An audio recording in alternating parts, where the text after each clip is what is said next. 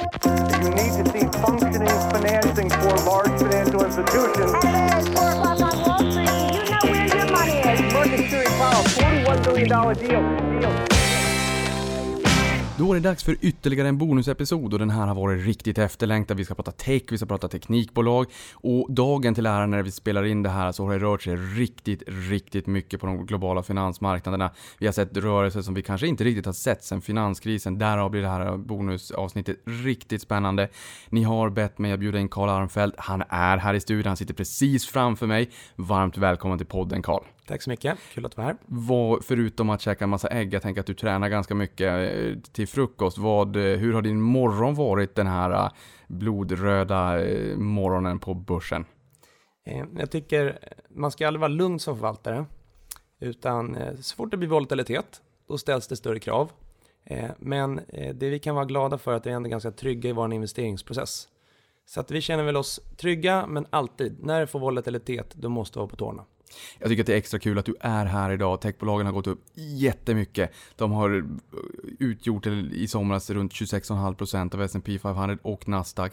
De har växt sig jättestora. Nu har vi sett en rotation redan i somras mot hälsovård. Den har fortsatt. Man byter ut vinnarna mot de lite mer bortglömda aktierna. Det här kommer vi att prata mer om. Därför är det här så timingmässigt spot on. Men innan vi kommer in där, vi börjar från början. Vem är Karl? Jag eh, jobbar på Swedbank Robur som förvaltare. Eh, huvudfokus är på småbolag. Har väl egentligen jobbat med aktieförvaltning hela min karriär. Eh, och eh, kom väl egentligen från början in på det här för att jag har ett stort aktieintresse. Jag tycker att det är kul med förvaltning. Jag tycker att det är kul att träffa bolag. Och rent, hur, hur kom det sig från början att du faktiskt kom in mot finans? Hur liksom landade du i den här branschen? Ja, det är en bra fråga. Men, men jag har alltid tyckt att det är kul med, med investeringar. Jag har flera personer i familjen som har jobbat eh, med förvaltning. Så att eh, det är väl någonting som, som jag alltid har egentligen kämpat mot. Mm. Och i dagsläget så har du ju två fonder, Robur Ny Teknik och sen har vi ju småbolagsfonden i Norden också.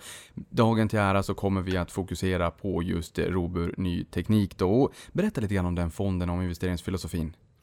Det är en innovationsfond som investerar i Norden och globalt. Eh, huvudfokus är på små och mellanstora nordiska bolag som är innovationsdrivna.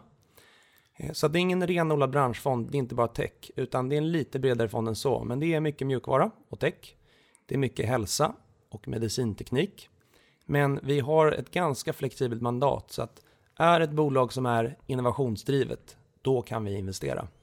Vi gillar bolag som har lönsam tillväxt, Eh, och det vi har sett de sista åren är att det finns väldigt många duktiga innovativa bolag i Norden. Det har varit eh, egentligen då små bolag, Norden och innovation som varit de tre starka drivkrafterna till att eh, fonden har utvecklats väl. Eh, vi har fokuserat då som sagt på mycket på lönsam tillväxt. Och det innebär ju också att vi har ändå varit rätt duktiga på att försöka undvika vissa miner de sista åren. Ja, och de där minerna är ju viktiga att undvika. Men kikar man på era track record så är det ganska fint. Eh, senaste tio åren så har ni haft en avkastning på 852 procent. Så att den årliga effektiva avkastningen är ju 25 procent.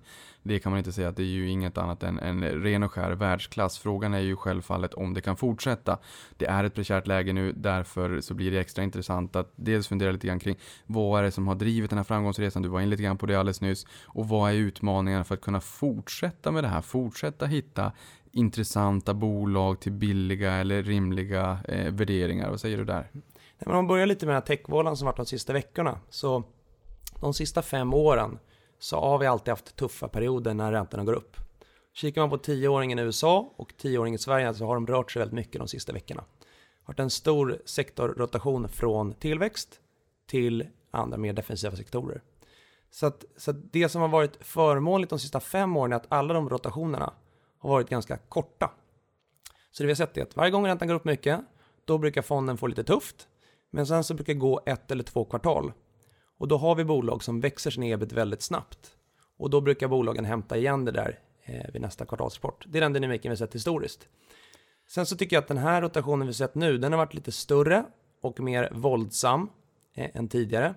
Så då måste man alltid eh, dra den åt sig eh, och vara på tårna. Eh, men eh, jag tror ändå att det här är mer av en, en korrektion inom tillväxt än början på en jättestor börskrasch. Det, det är min känsla. Och det som är bra också är att de bolag vi investerar i har stabila slutmarknader. Många av bolagen har väldigt starka balansräkningar.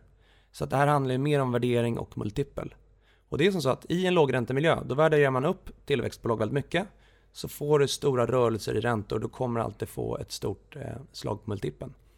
Eh, men det blir alltid lite extra tufft och vi har haft ett bra år. Men september och oktober har det varit eh, en hög volatilitet. Eh, så kikar vi på historien så har vi faktiskt historiskt varit väldigt duktiga i de här perioderna att använda volatiliteten till vår fördel och plocka upp lite små bolag. Och eh, för de som verkligen har följt den här fonden med, med lupp så har vi gjort en stor förändring sedan i februari. Vi har ökat kassan eh, till stor grad. Vi har faktiskt ökat antalet likvida bolag och lite större bolag. Så trots att huvudfokuset i fonden är småbolag så har vi faktiskt ökat antalet stora bolag. Och det är just för att vi har varit lite paranoida och vi vill ha mycket torrt krut när det kommer volatilitet inom tech. Så enkelt är det.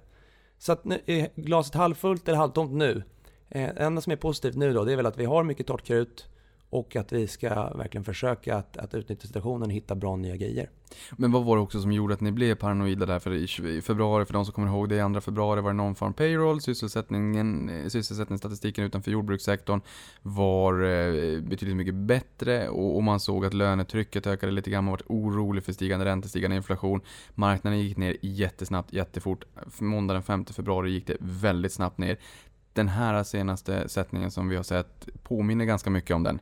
Vi är ner eh, 9% sen, sen sista augusti och det har gått väldigt fort både i februari och nu. Eh, kanske inte nedgången som sådan som är speciellt eh, anmärkningsvärd, men just hastigheten. Så vad var det som gjorde att ni blev lite paranoida där från februari och liksom ökade upp kassandelen och andelen likvida bolag? Nej, men det här året så har vi haft väldigt mycket flöden. Eh, vi ser också att vi gillar bolag som växer till ebit och vi har inget problem med bolag när aktien går upp väldigt mycket för att ebit växer. Men när du får då en tillväxt i ebit och samtidigt en brutal multipelexpansion, då ska man bli lite nervös. Eh, så att, så att det har varit en kombination av många faktorer. Eh, men, men vi har ju ändå, som förvaltare måste du ha en bra balans mellan att vara liksom ödmjuk och aggressiv. Och vi kanske har varit lite mer försiktiga under årets eh, första halvår Eh, och nu kanske vi är eh, halvvägs genom en, en ganska då brutal korrektion. Men då viktiga det är att sen då när det lugnar ner sig, då måste man växla över lite och gå till att vara lite mer offensiv. Och jag tror att det kan vara lite volatilt även i, i oktober ut. Men sen efter det, då är det viktiga för oss, det är att eh, fortsätta med vår process, tro på det vi gör och sen försöka växla över och bli lite mer offensiva igen och gå in i bolag som har rört sig för mycket. Mm. Det, det, är det. Jag vet, I Sverige så har faktiskt oktober varit en ganska bra månad historiskt. Vi har varit upp nästan 2% i snitt de senaste 20 åren. Däremot i USA så har börsen haft mest dagar med en rörelse på minst 1% åt vardera håll, åt något håll så att säga, eh, historiskt. Så att i USA så har det rört sig betydligt mycket mer och det ser vi ju nu också. Eh, för de som lyssnar på det här, jag tror att väldigt många är eh, fondandelsägare i din fond. Eh, när känner du att du så att säga vågar tycka att ja, men nu har det blivit lite billigt? Det har inte gått ner jättemånga dagar men det har ändå gått ner ganska fort och ganska många procent så att säga. När känner du att ja, men nu är det ändå lite grann av en överreaktion? Nu börjar vi liksom eh, kliar lite grann i fingrarna. Det är svårt att ge ett kort svar. Du får men, ge ett långt men, svar. Men, men som alltid, vi, vi, har också många bolag på avbytarbänken, grejer som har kikat på som vi tycker är lite dyra. Så att du får försöka vara bara lite mer offensiva och så kanske vi kan hitta en eller två eller tre bolag och en bra instegsposition. Så enkelt är det.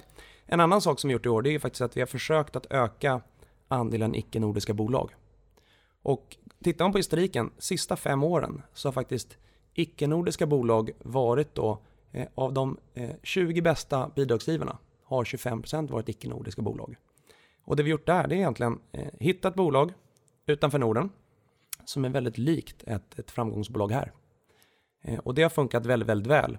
Och det var också en sak som jag känt i år att, att när du får lite högre multipel på de svenska innehaven, och om Sverige är lite crowded, så har vi verkligen försökt att öka andelen icke-Norden. I dagsläget så är 16% av fonden icke-Norden. Och den siffran tror jag borde bli lite högre på 1-2 år. Den ska nog vara 20-25 procent. Eh, för, för det man inte får glömma är att de här bolagen i sin natur, när du säljer ett nollor, när du säljer kod, så blir din marknad världen. Det är väldigt lätt att skeppa globalt. Så att är du techförvaltare eller förvaltar en innovativ fond, då måste du vara lite mer global när du tittar på marknader. Så enkelt är det. Så att trots att vårt huvudfokus alltid kommer vara Norden, så har vi historiskt mått bra av att även kunna vara flexibla och gå, gå även lite globalt. Vi sitter ofta lite längre ifrån de bolagen, eh, men, men jag tror att den flexibiliteten är viktig. Eh, och det är också något som är lite taktiskt. Är det lite för dyrt här, ja men då får vi faktiskt kämpa mer för att hitta goda idéer ute i Europa eller USA eller vart det, är det nu kan Mm. vara. Och Alan Greenspan har ju sagt att it's a new economy och det där ska man ju passa sig för att säga. Men den här gången får man nästan säga att det är ju faktiskt på riktigt en ny ekonomi. Och det är ju många av de bolagen som du är nyfikna på och vill ha i din fond. Just det här med att när man har ett digitalt bolag, ett digitalt varumärke, så är marknaden där ute global. Och det kommer vi komma in lite mer på vilka bolag som, som liksom gör att du verkligen känner att det här känns spännande. Ja, och jag tycker ändå att, att är du en långsiktig sparare så har vi varit väldigt duktiga de sista fem åren på att hitta bolag, digitala varumärken, medicinteknik och mjukvara som skapar aktieägarvärde över tid. Och det tror inte jag kommer försvinna. Jag tror att det som funkat de sista fem åren kommer funka i 15 år plus till. Det är den ekonomin vi lever i.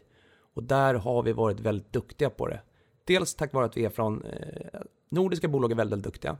Och det får man inte heller glömma att när, när till exempel Swish är en självklarhet i Sverige så åker du bara till Frankrike så är de inte på samma sida i boken. Så det, det, vi, det vi ser som självklara techutvecklingar i Sverige det är också ett väldigt bra uppslag för att vi ska hitta andra framgångsrika bolag i andra regioner. Mm. Och eh, jag tycker ändå att, att det bästa pushback vi fått, eh, den mest relevanta frågan är, eh, är det svårare att generera avkastning när fonden är större? Det finns inget jätteenkelt svar på det. Men, men först och främst, då måste man ställa sig frågan, kan vi fortsätta hitta små och medelstora bolag som är innovationsdrivna och som faktiskt kan växa sin vinst snabbare än ekonomin i sin helhet? Där tycker jag ändå att idag är svaret ja. Vi kan fortfarande hitta sådana bolag i Norden. Eh, Utmaningen då, det är att när fonden är lite större så blir en instegsposition mindre. Så enkelt är det. Och vi- vilken, vilken typ av market cap är det vi pratar om i de här bolagen? Hur stora är de? Ofta när vi kommer in så är det kanske 1-2 miljarder i börsvärde. Men det fin- där måste man också vara flexibel. Och bara för att fonden blir större så kan vi inte heller strunta i att investera i de här minsta bolagen. Utan eh, vi måste ha fokus på små bolag och medelstora bolag och även lite pyttebolag. För det är ofta där våra nya bästa idéer kommer.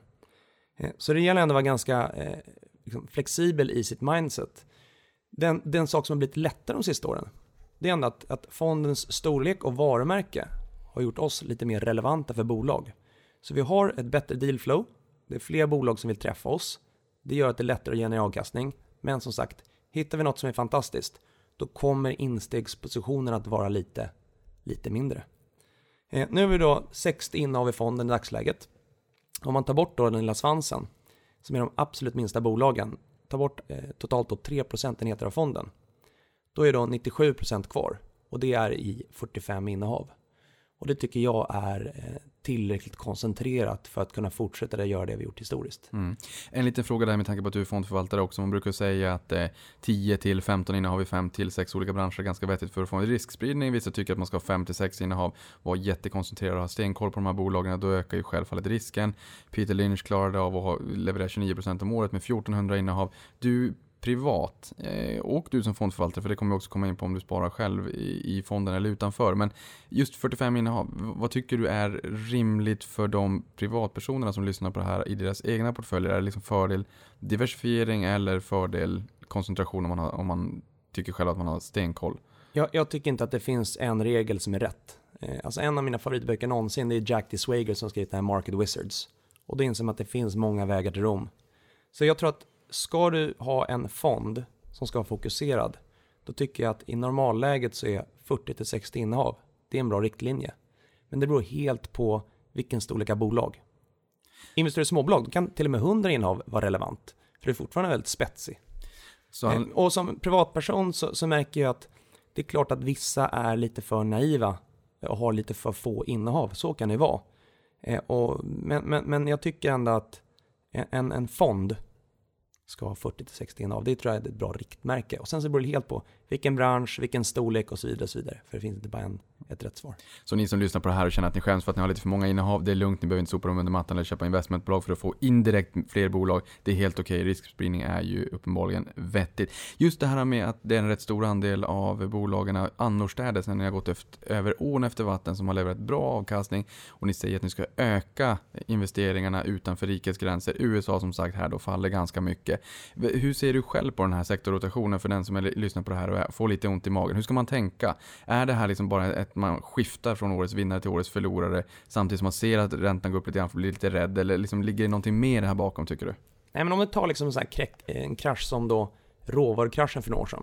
Då var ju problemet att då gick ju råvarupriserna ner och de bolagen fick beständigt sämre möjlighet att generera kassaflöde till aktieägarna. Så att det vi kan vara trygga i är att många av bolagen vi äger växer fortfarande ebit mycket. De har relevanta produkter, starka balansräkningar Eh, och, eh, men som vare sig du är fondförvaltare eller privatinvesterare så vet du själv att det är alltid tufft när du får volatilitet. Så enkelt är det. Och det enda vi kan vara glada för då, det är att vi ändå har rätt mycket eh, hö i ladorna och kan försöka utnyttja situationen till att eh, generera avkastning. Så det, det, det, är så man måste tänka som förvaltare. Det, en fond är lite mer som en supertanker. Det tar lång tid att göra stora förändringar. Och du måste hela tiden planera för framtiden. Och netto på marginalen så upp, inser man ju uppenbarligen att ni är ganska aptitliga som en liten god karamell just nu. Just med tanke på att ni har både samlat i ladorna när det kommit in nya eh, flöden men även dragit upp likviditeten i, i kassandelen i fonden. Så jag menar, ni har ju torrt krut och, och hö i ladorna här för att faktiskt kunna exekvera och köpa fina bolag om vi får se en fortsatt eh, nedgång på marknaden. Men största innehaven i fonden då?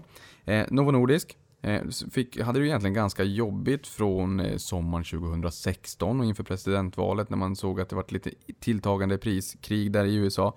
CD Projekt i, i, i Polen, Warszawa eh, och Take-Two Interactive, gamingbolaget som jag själv, själv satt och lirade GTA 97-98 när jag var liten. De här bolagen är de tre största. Varför just de här bolagen? Eh, generellt då, huvudfokus kommer alltid vara på små och mellanstora bolag. Man ska förvänta sig över tid att vi har kanske mellan 10 till 20 till 25 procent lite större mer likvida innehav. Det är en väldigt bra motvikt. Det är viktigt för oss att alltid ha några likvida bolag som innebär att vi faktiskt också kan investera i riktigt små bolag. Den balansen är viktig och ta då Novo Nordisk, trots att det är ett stort bolag, så sista fem åren så har det faktiskt varit en väldigt stark bidragsgivare till avkastningen. I snitt då, så i dagsläget har vi 9 procentenheter av fonden i Novo. I snitt sista fem åren så har det varit 5 procentenheter, så det är inget nytt innehav. Men det kanske är ett av få innehav som är lite mer taktiska. Och det har vi varit med nu tre, fyra gånger. När det har kommit in mycket pengar, då är, om Novo är nedtryckt och vi tycker att det är kortsiktig oro i ett av Nordens absolut bästa bolag på att generera aktieägare långsiktigt, då, då har vi liksom kommit in i Novo ett antal gånger. Om man tar då några andra då, eh, ta Take-Two. När vi kom in så var det faktiskt ett småbolag. Nu har det blivit ett stort bolag. Men återigen, eh, det är bra likviditet, det är en, ett, ett väldigt unikt bolag för de digitala varumärkena som Take-Two sitter på. Det går inte bara att ersätta på en dag.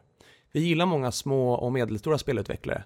Men det man inte får glömma är att det finns även stora skalfördelar inom dataspel. Och jag tycker att Take-Two, till skillnad från Activision Blizzard och EA, de driver bolaget mer som ett mellanstort bolag. Det är inte lika corporate, det är inte lika byråkratiskt.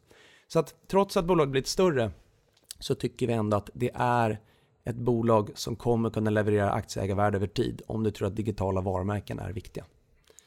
Och ehm, så att topp 5 så kommer det vara, eh, vi kommer alltid ha ett antal lite mer likvida bolag där. Kikar man de sista 14 dagarna så skulle man summera då eh, nyhetsflödet, då skulle det nog vara kanske inte då fyra bröllop och en begravning, utan de sista 14 dagarna, då har vi, haft, då har vi nog haft eh, fyra begravningar och ett bröllop. Så topp top fem innehav så är det faktiskt fyra av bolagen som har kommit med någon typ av negativ nyhet.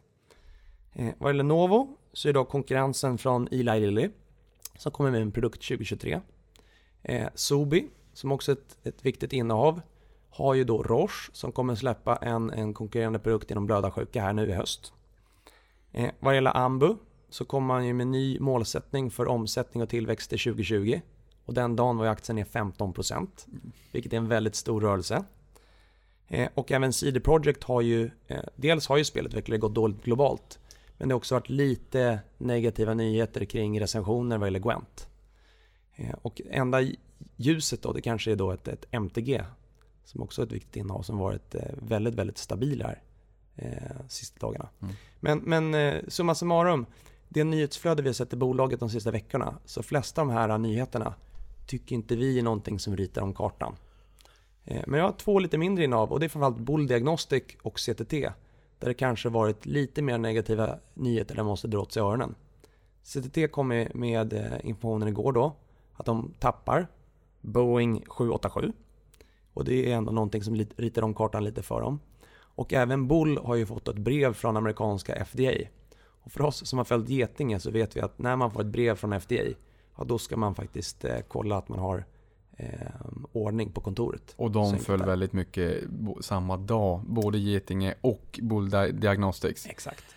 Så att, så att ehm, jag tycker ändå att vad det gäller nyhetsflödet då, eh, fyra begravningar sista, sista veckan, så de flesta av de här så har varit nyheter där kursen har rört så mycket, men där vi inte tycker att, att nyheten i sig är ett stort problem för oss som är långsiktiga aktieägare. Men det kommer alltid något enstaka bolag inom tech. Tech och eh, medicinteknik är föränderligt. Och, och om någonting då, så det är en, förutom ränterisken, så vissa av bolagen vi har är lite enbenta. Och då kan det ibland vara tufft. Som ett CTT. För när, när eh, Boeing försvinner, det är 20% av omsättningen. Och det man får hoppas då, är att man har byggt en bra portfölj. Med, med andra nischbolag som faktiskt står emot. Eh, så att, så att nyhetsflödet har ändå varit klart på, det, på den negativa sidan de sista veckorna. Ja, det där föranleder mig att påminna lite grann om CTT och om Boeing är 20% där. Alltså, då, då tänk på den här risken, implicita risken när ni köper en fastighetsbolag där ute. Eh, det, det är ganska jobbigt om en eh, fastighet eller, eller en kund står för en rätt stor del av intäkten. Då blir det väldigt jobbigt om man tappar ett sånt kontrakt. Eh, du pratade ju här tidigare också om eh, techbolagen att, och att de ska vara lönsamma och att det är lönsam tillväxt som står på agendan.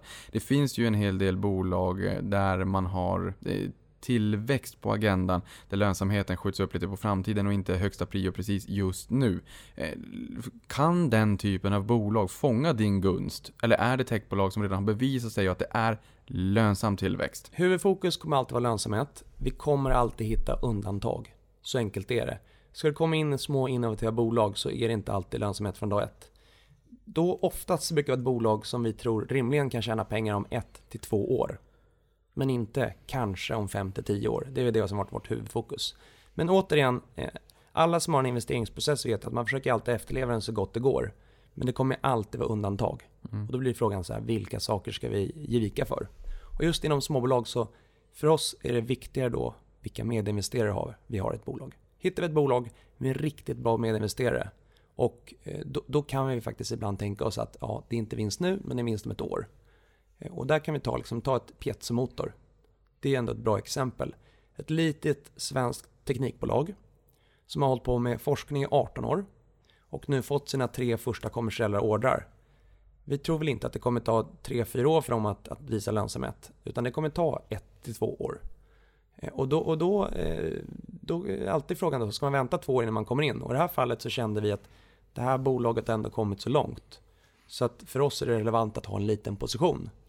Så, att, så vi kommer alltid vara med i några eh, förlustbolag. Det, är- det är en del av våran plan. Men då får man inte glömma att det kommer aldrig vara som så att ett förlustbolag är en 4 eller 5% position. Då kanske det blir 1% eller en halv procent av fonden i ett sånt bolag. Det blir alltid, alltid mindre positioner. Och frågan är i sådana fall, när, när känner du att man drar stoppen? Alltså när, när känner du att men, det här blev inte som vi hade tänkt? Och så blir det ju ibland, så det är ju helt ofrånkomligt. Ehm, ta CTT och Bull Diagnostics som exempel. Där har det kommit lite tråkiga nyheter då, med tappet då av, av Boeing och med eh, brevet från FDA. Är det någonting, räcker det liksom för att åtminstone, alltså, aha, vi måste ändå kika lite mer. Det gör ni ju löpande i alla fall. Ja. Men vad är, det som, vad är det som krävs för att du ska känna att nej, men här måste vi faktiskt backa? Vi, vi måste alltid fokusera på produkterna. Eh, det är det vi alltid gör när vi investerar och när saker går fel. Då måste du gräva i produkten. Är produkten bra eller inte? Hur ser konkurrensen ut? Eh, jag tror att det är viktigt att vi kommer alltid som grund och botten så är vi ofta positiva till de bolag vi äger. Men vi ska inte sitta och försvara bolagen, för vårt jobb är ju att ifrågasätta. Och det är lätt att man hamnar ibland i en situation att man bara vill sitta och försvara sitt bolag, för man har ägt det och man är liksom mentalt eh, eh, så har man mycket, mycket sank kost. Men, men det är en fin balans. Det gäller fokusera på produkten, eh, gräv och nörda ner dig ordentligt om bolaget får problem. Får bolaget problem, då räcker det inte med att vara liksom helikopterben och köra eh, höftskottsanalys. Då måste du in och gräva och gräva och gräva. Eh, så enkelt är det. Och, och, och återigen, eh, för oss så handlar hamnar det ofta som att försöka undvika misstagen innan vi investerar. I små bolag så är det dålig likviditet. När allt skiter sig, då går det inte att sälja innehavet oftast. Utan, och det missar ju folk, det är ju, det är ju hunden som inte skäller. Är ju alla gånger vi hittar ett bolag som verkar fantastiskt, men vi tackar nej. Och det är ju ganska många sådana bolag. Men det här med eh, att man har en relation till bolagen, man kanske har haft dem länge, man känner ner sig gång, i bolagen en gång i tiden. Man kanske har någon form av confirmation bias, att man vill hitta nyheter som stärker ens egna tes. Det här är något som jag tror att de flesta eh, småsparare där ute kan känna igen sig i. Eh, hur, är det liksom att vara fondförvaltare och ha vissa bolag i portföljen och de här psykologiska aspekterna? Hur påverkar det dig i ditt dagliga förvaltande? Allt annat lika så tycker jag att, att folk som jobbar med det här ibland är bättre på att skilja på, på känslor och eh, fakta. Men eh, det är människor som är privatpersoner och det är människor som förvaltar fonder. Så på sätt och vis så är det ingen skillnad. Utan det gäller ju alltid att, eh, att ha disciplin och att ha den här balansen mellan att vara ödmjuk och offensiv. För du kan inte ifrågasätta allt du gör. Men du kan heller inte vara självgod och säga att du är ett, ett geni. Utan det gäller att hitta den här balansen och sen så gäller det faktiskt också att växa lite mellan de här lägena. Mm. Det kan vara i bolag, det kan vara i process, det kan vara olika delar av en ekonomisk eller börscykel. Jag tror också att många som lyssnar på det här är lite nyfiken på hur du till vardags gör när du screenar bolag. Eh, När du liksom försöker filtrera och leta fram de guldkornen som, eh, som du kanske kan tänka dig att plocka in i portföljen framåt. Vilka nyckeltal eller multiplar tycker du är riktigt eh, intressanta? Vi lägger mycket tid på att träffa bolag. Det är där vi hittar våra investeringsidéer. Vi lägger mycket tid på att träffa andra duktiga medinvesterare. För de är oftast våra bästa eh, idégenererare. Och det kan ofta vara, eh, vi har investerat i bolag A eh, och så går bolaget väldigt bra och sen så, så känner de någon som ska också sätta börsen. Och det är ju oftast då bolag B. Eh, så att det är en situation. Eh, så mycket bolagsmöten, träffa många duktiga medinvesterare och sen så har vi ändå en investeringsprocess där vi kikar på kassaflöden, där vi funderar mycket på, på ebit. Vi gör inte långa prognoser. Vi tror inte att vi är bra prognosmakare, utan då kikar vi mer på bolagens finanser. Hur går det här och nu? Det blir det viktigaste för oss. Vi bryr oss mycket om framtiden, men vi gör liksom inga detaljprognoser. Och sen så, så, så märker vi ofta att, att när du är och gräver mycket i liknande typer av bolag så finns det ändå vissa mönster. Vi vet vilka regler ska vi absolut inte göra avkall på och vilka regler kan vi göra avkall på. Och, och där vad det gäller då att räkna på bolagen så blir ju det svåraste blir ju då ett bolag som går med förlust. Då måste du fundera på, på unit economics. Tjänar de pengar i Sverige, men de försöker växa utomlands? Tjänar de pengar på en produkt, men de är en sån tillväxtfas så bolaget som helhet går med förlust? Så att då hamnar man ju lite mer kanske i EV sales, eh, LTV till CAC och sådana här klassiska VC-mått. Så att, men vi försöker, vi är ändå fundamentala i botten. Det är viktigt att poängtera.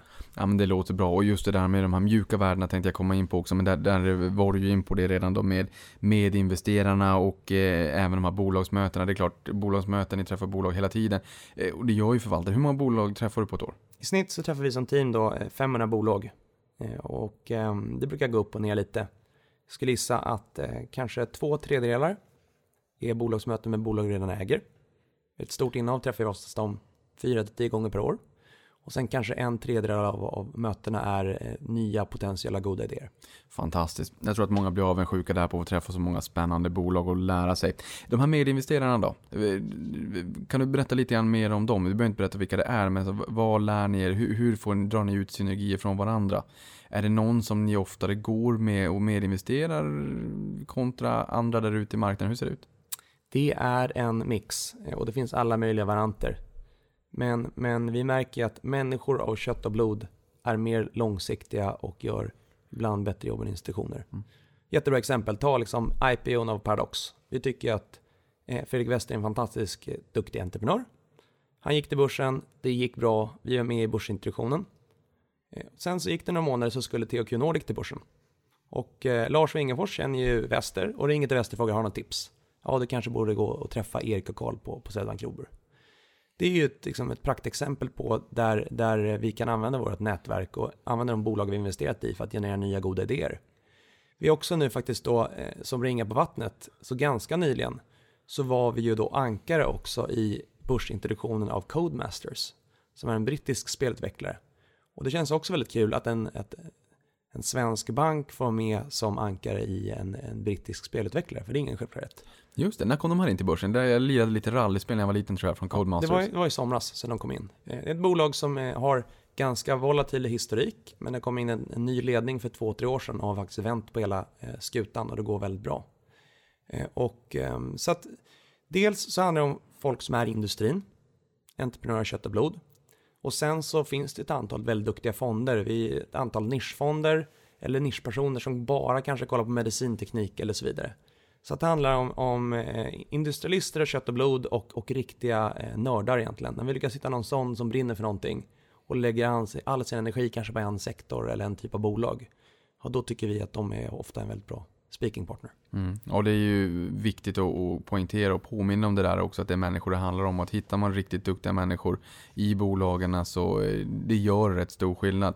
Ehm, men känner du också att ägarbilden i de bolagen som ni investerar i är av vikt och värde? Jag, menar, jag brukar lyfta upp företagskultur, tycker jag är viktigt. Pilotskolan, ägarbilden. Eh, Det, det kanske inte är en dealbreaker, men, men om du skulle sätta på en skala, hur viktigt är det att, att, liksom, att det verkligen känns att det är rätt människor och inte bara tjänste, tjänstemän Det, som det, är, det är alltid ett plus när det finns en stor industriell ägare. Och tyvärr då inom, inom ny teknik, där är det faktiskt ganska vanligt att vi är största aktieägare. Jag tycker att inom de här innovationsbolagen så finns det färre duktiga industriella investerare i Norden. Så enkelt är det. Kollar vi på småbolag lite bredare i andra sektorer, där har vi väldigt duktiga investerare som kan ta en liten annan roll än vad vi gör. Vi är ju med i valberedningar. Vi för ju en aktiv dialog med alla bolag. Eh, framförallt om, eh, om det är någonting som vi tycker att de gör dåligt, då, då ringer vi upp och kan vara lite jobbiga ibland. Så att vi ställer stora krav, vi är en aktiv speaking partner. Men fortfarande så är det så att fondbestämmelserna gör att vi kan inte sitta i styrelser.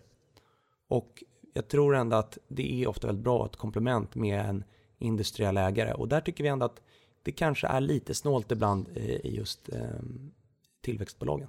Jo, för det där, också, det där har vi fått en fråga på också. I och med att ni blir en, en stor ägare i de bolagen ni investerar i. Hur ni förhåller till ägarstyrning. Jag menar, det, det, är väl, det är väl inte första gången en fond kan känna att det här är finansiella investeringar. Medan det finns andra fonder som känner att ja, men vi tar ändå en aktiv roll. Men det får ju inte liksom dränera er tid och energi från det huvudsakliga uppdraget ni har. Det där är ju en balansgång. Hur ställer ni er till det? Fördelen, vi är en stor firma. Vi har specialister som bara arbetar med ägarstyrning. Så att vi Ja. är med i valberedningar. Totalt sitter firman då i 90 valberedningar i Sverige. Väldigt många. Eh, Och eh, det är inget som tar tid för oss. Men jag tycker att det är ändå viktigt att när vi, när vi köper aktier i ett bolag så tänker inte vi att vi har köpt ett papper så vi kan sälja dagen efter. Utan vi tänker lite mer långsiktigt. Vi, vi försöker inse att vi har investerat i ett bolag och om vi kommer in då ska vi vara där på lång sikt och försöka hjälpa till. Det är en väldigt viktig eh, poäng och inte minst då, vi vill vara med att bygga företagskluster. Allt företagande sker i kluster, kan ta Danmark, medicinteknik. Sverige nu har vi fått dataspel. Men om någonting ska vi kämpa nu för att det ska komma fler duktiga SaaS-bolag till svensk börs. Vi är med Fortnox, investerade ganska nyligen i 24-7 Office som också är ett bra SaaS-bolag. Eh, vi har nu faktiskt dialoger med lite onoterade bolag som funderar på börs. Och där hade det varit jättekul om vi kunde göra som vi gjort med dataspel och hjälpa ett antal bolag genom sin IPO till, till Stockholmsbörsen. För jag tycker det är en bra, ett bra långsiktigt hem för entreprenörer som vill växa men ändå behålla kontrollen över bolaget. Mm, det låter bra. I och med att eh, det har gått väldigt bra för er så har ni också lockat väldigt mycket kapital. Eh, och att må många som lyssnar på den här tror jag har en, en, en liten steg i fonden. Det skulle inte förvåna mig. Eh, men upplever du att kapitalet har blivit mer flyktigt av den anledningen på senare tid? Vi har 275 000 kunder i fonden och vi har upplevt de sista åren att det alltid funnits lite hot money i fonden. Och varenda gång som vi har haft en dipp så har det varit eh, alltid lite utflöden i fonden. Så enkelt är det. Däremot märker vi att när, när pengar kommer in, när de har legat där ett, två år, då börjar det liksom att, att lägga sig lite. Det är liksom ett vattenreningsverk. Då, då eh, rinner eh, sedimentet ner till botten. Så vi har ändå märkt att, att det alltid varit lite slagigt. Men om något så har ju faktiskt den här eh, slagigheten gått ner lite sista året tror jag. Någonting som du nämnde här tidigare också, det är ju just att man inte får glömma bort att eh, likviditeten helt kan torka ut i småbolag. Eh, Det har ju hänt tidigare. Det, det är ganska länge sedan nu och det är väldigt många människor ute i marknaden som har kommit in i marknaden, som har börjat spara i fonder eller aktier, som inte har sett det hända. Det kan, och, och börsen har ju gått väldigt bra på senare år. Småbolagen har gått betydligt bättre än storbolagen, även fast skolboken säger att det ska dras växelvis. Ehm, eh, har du någonting, liksom någon input eller någon reflektion där? Liksom, det kan ju faktiskt hända att likviditeten helt försvinner, att småbolagen går ner väldigt kraftigt. Det behöver inte föranleda att ni tycker att det har hänt någonting med bolagen, ni sitter kvar, kanske till och med köper mer. Men just att på, på börsen att rörelserna kan bli riktigt kraftiga i det här alltså, det, segmentet. det blir en barbell strategy. Dels då, vi måste investera i bolag som har starka balansräkningar. För små bolag, de vinner över tid. Men du vill inte att de ska dö när det blir en börssättning. Så det, det är det ena då. Eh, Det andra är att investera i bolag som faktiskt tjänar pengar. Bara där skaffar vi oss en enorm säkerhetsmarginal. Sen så får man inte glömma då att nu när det blivit faktiskt då mer ETFer och lite andra typer av hybridkapital eller passivt aktivt och så vidare, och så vidare. Så har vi ändå sett då eh, att ibland så uppkommer väldigt mycket av volatiliteten i OMX30. Är du OMX31 eller 32 så har ditt bolag till och med en lägre volatilitet. Så att den här självklarheten att, att small caps alltid går mycket, mycket sämre i volatilitet, den, den tror jag måste, den bilden har förändrats lite grann. Men återigen, det vet alla småbolagsförvaltare, det är att eh, man måste vara långsiktig, man måste ha en stor kassa Eh, och eh, man måste vara beredd på att det kan faktiskt hända saker. Jag tycker det där är intressant, för den breda sell-offen vi hade i 2 februari och eh, primärt 5 februari på måndagen. Där såg vi precis som du sa där att det var storbolagen i Sverige som fick ta den största kakan och då kanske man på analyshusen drog ner i aktievikten globalt och sen fick storbolagen, det volatil, eller inte volatiliteten, den kom ju sen, där likviditeten fanns, ja, det var de man sålde, det skapade volatilitet i de här bolagen. Kort bara, eh, vad, vad känner du Carl kring, kring eh, liksom, betakapital kontra, eh, kontra smart money och hur det påverkar branschen och eh, volatiliteten. Alltså att det blir mer och mer passiva produkter som inte riktigt bryr sig om värdering, som inte är en stockpicker som vad du är. De skiter blanka tusan i värderingen. Kommer det in pengar, då trycker man upp och köper det som ligger i, i produkten. Hur, hur ställer du dig till, till det där? Jag tror teknikutvecklingen och, och passiva fonder har gjort att, att när det kommer volatilitet så blir det mer brutal. Att allt sker samtidigt. Men sista fem åren då, då har ju de korrektionerna varit lite kortare tid. Det har varit en, en, två, tre veckor där all volatilitet kommer samtidigt och sen så börjar det liksom återhämta sig. Mm. Och det är väl ungefär det vi har sett nu också. Så, att, så jag tror att, att det nack, nackdelen är att volatiliteten blir lite mer spetsig. Det här med, och, det, när det rör sig så här mycket då kanske man också ska vara lite försiktig med eventuell kreditlina, eh, bara så att man tänker på det. Men sen någon, en, någon annan man kanske gör slut med nu, det är TINA då. There is no alternative. För nu börjar det faktiskt bli ett alternativ där ute. Jag vet i USA har man sagt, eh, Bank of America Merrill Lynch skickar ut enkäter till investerarkollektivet och där har man fått till svar då att runt 3,6, 3,75 ungefär på 10-åringen. Det är där man på riktigt på allvar börjar tycka att nu finns det faktiskt ett substitut för de som är räntejägare och har tvingats in i liksom obligationsulvar i fårakläder som Axfood och eh, ICA kanske exempelvis och lite defensivt tidigare. De kanske vågar sig tillbaka till räntemarknaden. Hur, vad, vad, vad känner du där? Hur, hur på, 10-åringen, påverkar den överhuvudtaget digitala bolag om vi tänker närmare än vad, eh, längre än vad näsan räcker och några dagar, några veckor? Tänker vi på en månad så ja, när du får ett ränteuppställ så har vi alltid haft det tufft historiskt. Jag tänker att, att amerikanska tioåringen går till 4% och svenska tioåringen går till 1 eller 1,5. Ja, men då kommer det gå ett kvartal eller två kvartal så har bolagen hämtat hem det här i sin ebit-tillväxt. Så att jag tror att över det längre perspektivet så ja, tillväxtbolag kommer få en kontraktion. Men, men eh, är du långsiktig så tror inte jag att, att ränteläget kommer vara avgörande ifall de här innovativa bolagen som gör mjukvara eller som gör medicinteknik oberoende ränteläget så tittar du på lite längre perspektiv så har de jättegoda förutsättningar. Och en fördel är att många av dem har ju faktiskt, på grund av att de är techbolag, så är de inte så mika. De har inte den här jättestora skuldsättningen. Och det är sånt man också måste räkna på. Så det är otroligt, ibland är det komplext också, men, men det blir väl det, korta svaret. Ja, och det intressanta med ICA det är väl också att de aviserade mig veterligen, om jag minns rätt, i fjol att man skulle öka upp capex 40% för att också bli av med sin IT-legacy eller sin IT-skuld, alltså det digitala. För ofta känner vi att bolagen är digitala, vi har appar och hit och dit, men bakomliggande i, i bolagen där ute är ju inte speciellt digitalt. Du som lyssnar räcker att gå tillbaka till din arbetsplats så finns det något system säkert som du känner att det här är stenålders, definitivt i bank också. Ehm, så att de här bolagen, det kan stöka till lite grann kortsiktigt. Men, men långsiktigt så är väl det här någon form av, av sekulär tillväxt. Jag tänker även om det är så att du får en multipel kontraktion på de här bolagen så är det så att vi ser resultatet växa på, kanske pigna på och växer ännu mera för att liksom digitaliseringen kommer ännu längre.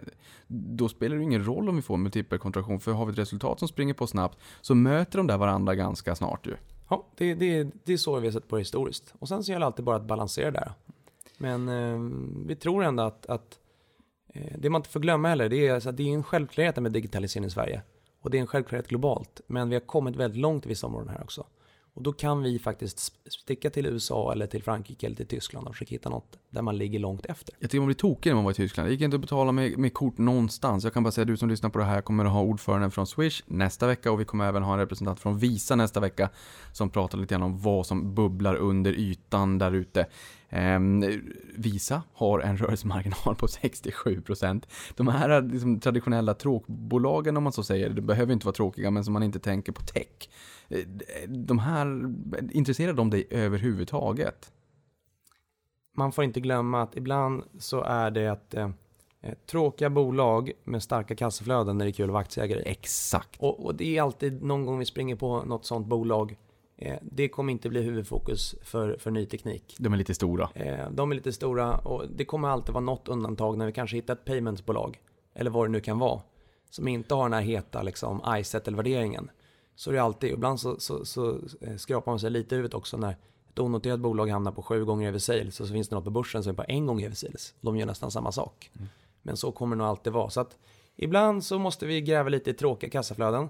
Ehm, det kommer nog vara, men det kommer inte bli ett huvudfokus för en så nischad fond ändå som, som ny teknik. Nej. Eh, och på tal om bolag som är lite större, Novo Nordisk är ändå Nordens största börsbolag. Ehm, var de här, vi pratade om dem lite i början i podden, är de i portföljen av, på egna meriter så att säga? Eller blir det en kombination med att de också är en, att det är en likvid aktie och att det är enkelt att och liksom sälja därifrån för att gå in i bolag om, om lägen uppstår i lite mindre eh, godbitar? De alla bolag är där på egna meriter. Men, men några av de väldigt likvida bolagen fyller ett dubbelt syfte. Mm. Så enkelt är det. Och kikar vi på fem år då så har vi faktiskt då eh, i snitt så har Novo genererat 20 procentenheter i avkastning per år när vi varit aktieägare. Och det är lägre än fonden i snitt. Men fortfarande är det en stark bidragsgivare. Men det vi kan göra är att just när de gäller de största bolagen kan vara lite mer taktiska. Mm. Då kanske det är Novo. Men om inte vi tycker att Novo är superrätt, då kanske det är ett Koloplast eller ett Christian Hansen, eller till och med Tencent. Det finns ju ändå ett antal bolag där vi ser att ibland blir ju också investerare väldigt kortsiktiga. Och Tencent är ju faktiskt ett litet miniinnehav. Och det är ju faktiskt ett, det kanske är ett av de absolut billigaste bolagen med digitala varumärken globalt nu. Det är ett bolag som är ner, ner 40%, handlar på PE 25. Och om man köper det så dels får du då ett antal väldigt starka internettillgångar i Kina. Och alla som har sett den här dokumentären i veckan eh, från SVT om eh, presidenten i Kina inser att det finns bara en väg framåt. Så dels får du väldigt starka internettillgångar i USA. Dels får du väldigt starka varumärken, eh, förlåt, i Kina. Eh, dels får du väldigt starka varumärken i Kina. Men Tencent har ju faktiskt också varit ute och köpt minoritetsposter i 2-300 spelutvecklare globalt. De äger i snitt då 15% av den globala spelmarknaden. Ja, det är ju helt galet. De är så ju... att när de äger 5% i Paradox Exakt. så är de de, de facto underviktad Paradox. om man tänker att de är en fondförvaltare. så jag, jag, tycker ändå att, att, det är ett superspännande innehav. Eh, stora bolag utanför Norden kommer aldrig bli vårt huvudfokus. Men, men jag tror ändå att det är någonting som, som vi kommer kunna tjäna pengar över tid på att vara lite eh, vara lite pragmatiska och hitta sådana saker också. Behöver man vara orolig för den politiska risken som man nu har eh, sett finns i, i Kina, inte minst med det som har hänt med, med Tencent nu på senare tid? Ja, eh, man ska vara orolig, men, men vi har ju sett nu att bolaget kommit ner 40%. Vi träffade dem för några veckor sedan och vi gick igenom detalj. Ni, ni träffade dem för några veckor sedan? När de var i Stockholm. I... Ah, och vi gick igenom detaljer som har skett i, i Kina. Och då insåg vi att det finns en väldigt stor skillnad mellan vad, vad tidningarna skriver och vad som de facto sker. Och därför ska du få utveckla det i podden, för det här är ju intressant. Ja, men det som de facto sker är att i dagsläget, ska du släppa ett dataspel i Kina, då måste du få tre stycken tillstånd. Det är Department of Propaganda, eh, Department of eh, Culture och sen ett tredje departement. Och då har man gjort en, en omstrukturering sedan i mars, så man ska slå ihop alla tre till ett. Det ska bli enklare Eng- att ansöka. Men just nu så är det Music Chairs. Så nu kämpar de här tjänstemännen i Kina om att få sin plats i det nya departementet. Och därför har man pausat eh, tillståndsutgivandet till nya speltitlar. Så, Så, framförallt då Tencent fått problem då med, med PubG Mobile i Kina, där de inte får monetisera. Men vad vi vet då, det är att eh, de själva tror att det här kommer vara löst i november-december. Eh, det vi vet är att Tencent kommer vara den operatör som är mest compliant i Kina. Så återigen, eh, jag tror att det, kommer, det är en väldigt kortsiktig faktor.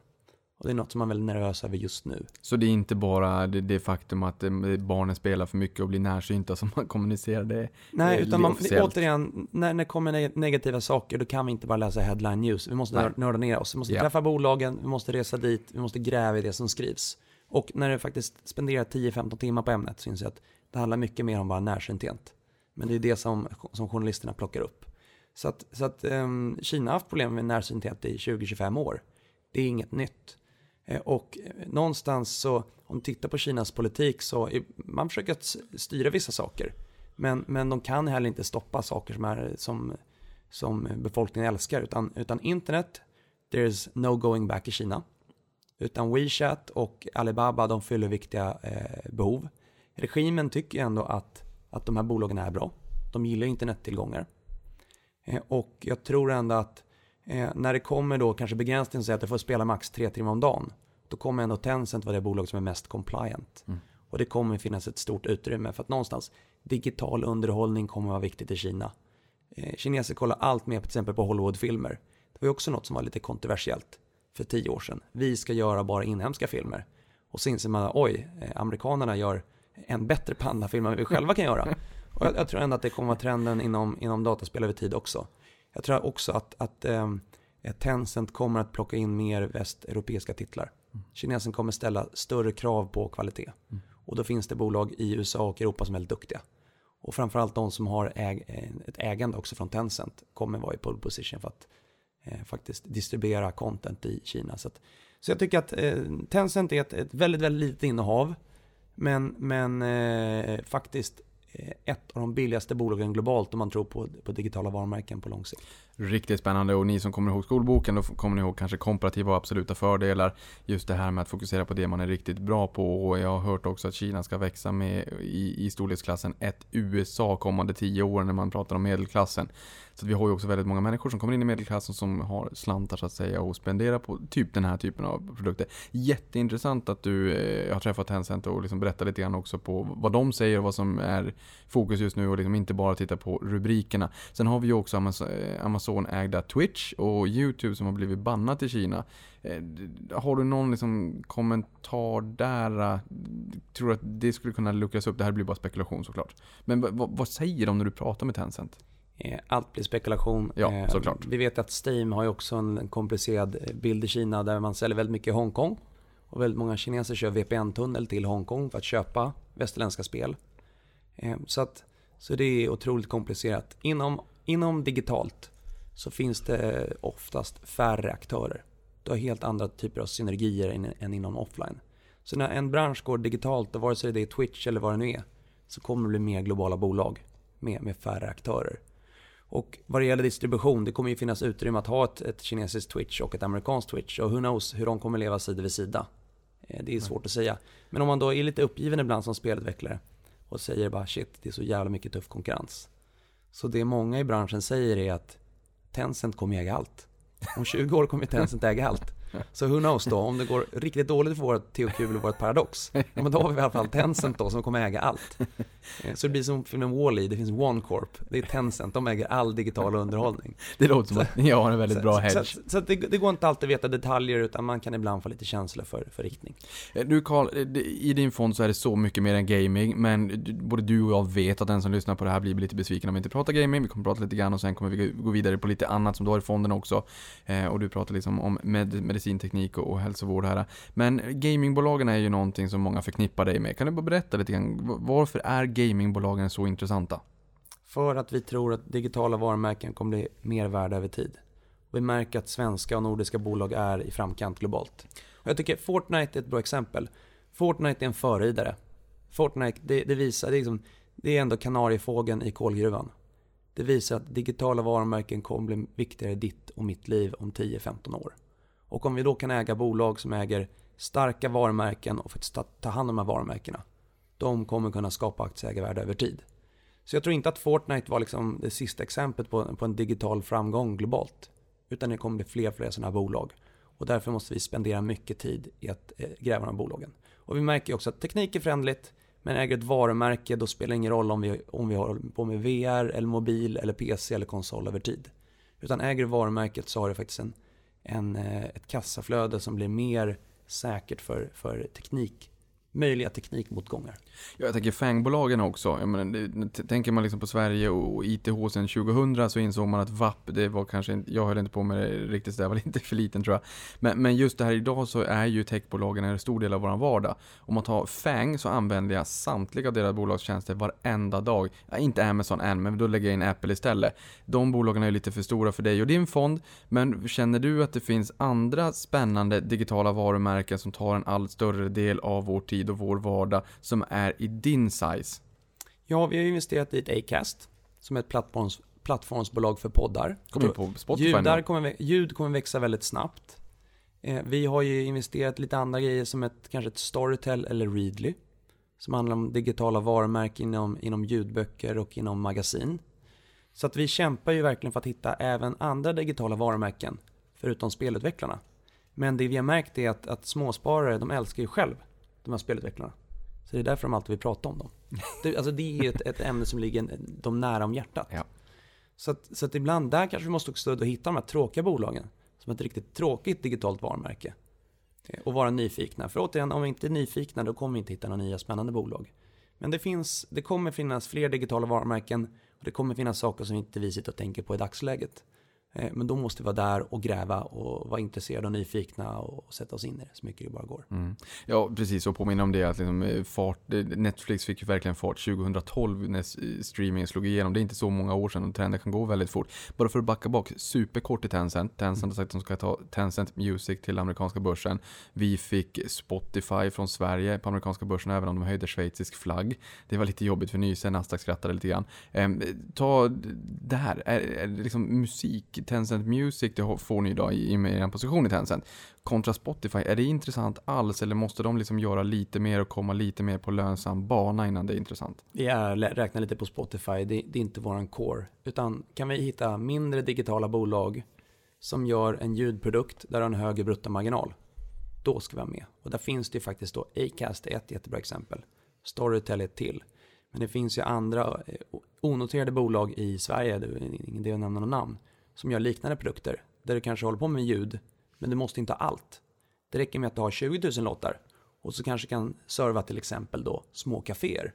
Ett sånt bolag kan ju faktiskt ha då en, en bruttomarginal på 70-80%. För de måste inte äga allt content för att vara relevant. Så det kommer finnas massor med små nischer med digitala bolag.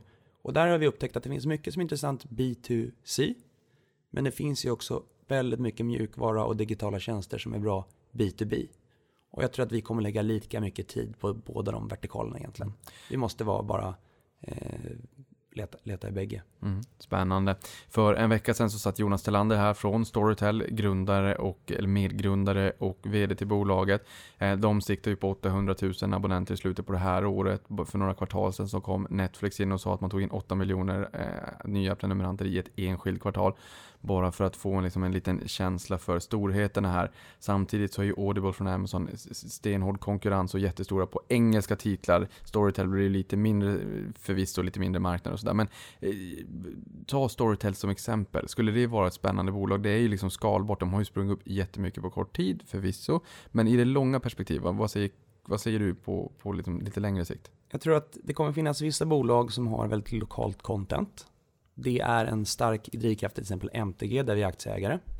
Det kommer eh, finnas bolag som hittar spännande nischer. Och det tycker jag ändå Acast visar nu att igår annonserade de sitt partnerskap med Spotify. Just det. Det är jättesvårt när det är bred att hitta, hitta den här nischfokuset. Och inom all digital underhållning tror jag att de här nischbolagen kommer att vara framgångsrika.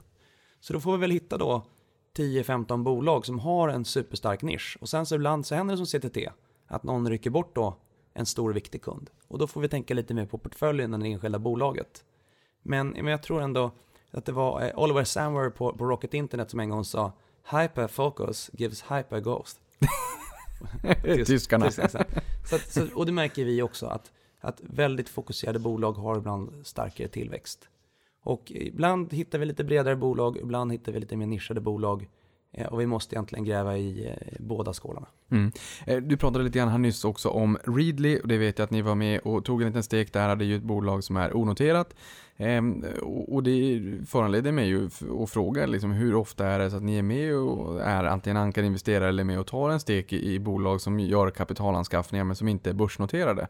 Roburs småbolagsfonder har de sista fyra åren varit ankar då i 50 stycken börsintroduktioner.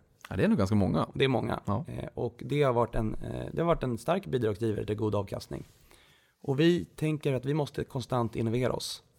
Och eh, sista året nu så har vi varit med i sju onoterade investeringar. Det är något som är väldigt nytt för oss. Och jag tror inte att det kommer bli den viktigaste drivkraften i framtiden. Utan det kommer vara en liten eh, nischinvesteringsprocess. Men återigen, om vi ska vara aktiva investerare, då måste vi hela tiden ifrågasätta det vi gör. Hittar vi en ny boll som vi tror på, då måste vi springa på den. Då måste vi innovera våra produktutbud eller vår investeringsprocess eller vad det kan vara. Och vi lever liksom i en, en digital eh, tidsålder där grejer sker väldigt fort. Så bara för att man har gjort en sak i 10-15 år på ett vis så är det inte självklart att vi ska göra så i framtiden. Så att onoterat, det kommer som sagt då, liten nisch. Men jag tycker att det är viktigt att vi ska visa de små entreprenörerna att börsen är ett bra långsiktigt hem. Och ska vi kunna göra det med, med förtroende så måste vi även kunna investera i dem kanske då ett år innan de kommer till börsen. Och Så just där så finns det inte så många. Och det som är fördelen för bolaget är att om vi kommer in ett år innan börsen så är inte börsintroduktionen, det är inte slutdatumet. Vi har inga VC-fonder med, med eh, en dag när vi ska sälja alla innehav, utan vi är ju per definition då evergreen och kan vara lite mer långsiktiga. Det är det, vi kan. Det, det låter bra och ni bygger ju också det här nätverket som du har pratat om tidigare som är så pass viktigt och, och Sveriges finansiella, Sverige är ju en liten ankdamm i, den, i finansbranschen.